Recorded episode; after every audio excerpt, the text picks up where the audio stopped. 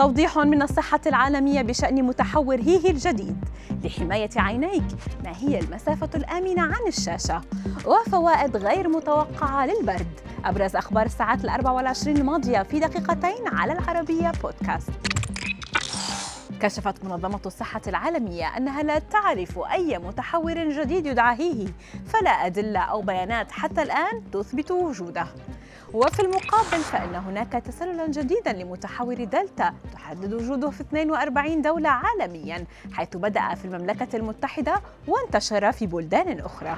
ومع احتمالات ظهور المزيد من التحورات الفرعية يبدو أن الجائحة لا تزال أبعد ما تكون عن نهايتها.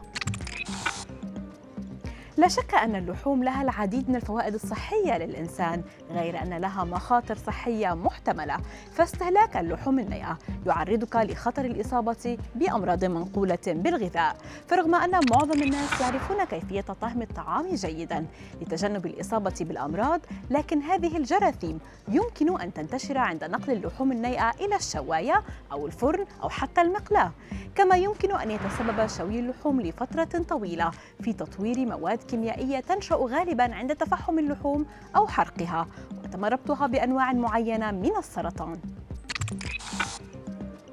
تتطلب أنماط الحياة الحديثة الاستخدام المستمر للحاسوب والاعتماد على الهواتف الذكية والنظر إليها طوال الوقت. لكن مواجهة الشاشة لفترات طويلة يمكن أن يتسبب في إجهاد العين. لذا علينا الحفاظ على مسافة الأمان الضرورية.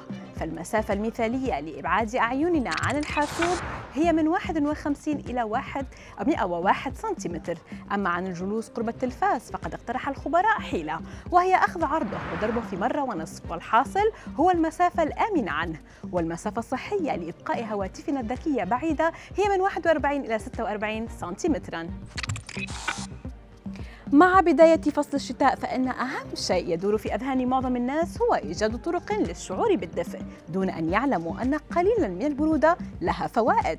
فقد أفادت دراسة حديثة بأن التكيف مع البرد يزيد من نشاط الدهون البنية لديهم وحرق المزيد من السعرات الحرارية. كما وجدت إحدى الدراسات أن لدى الأشخاص المعرضين للبرد استجابة مناعية أفضل بأعراض أقل وحمى أقل عند تعرضهم للبكتيريا.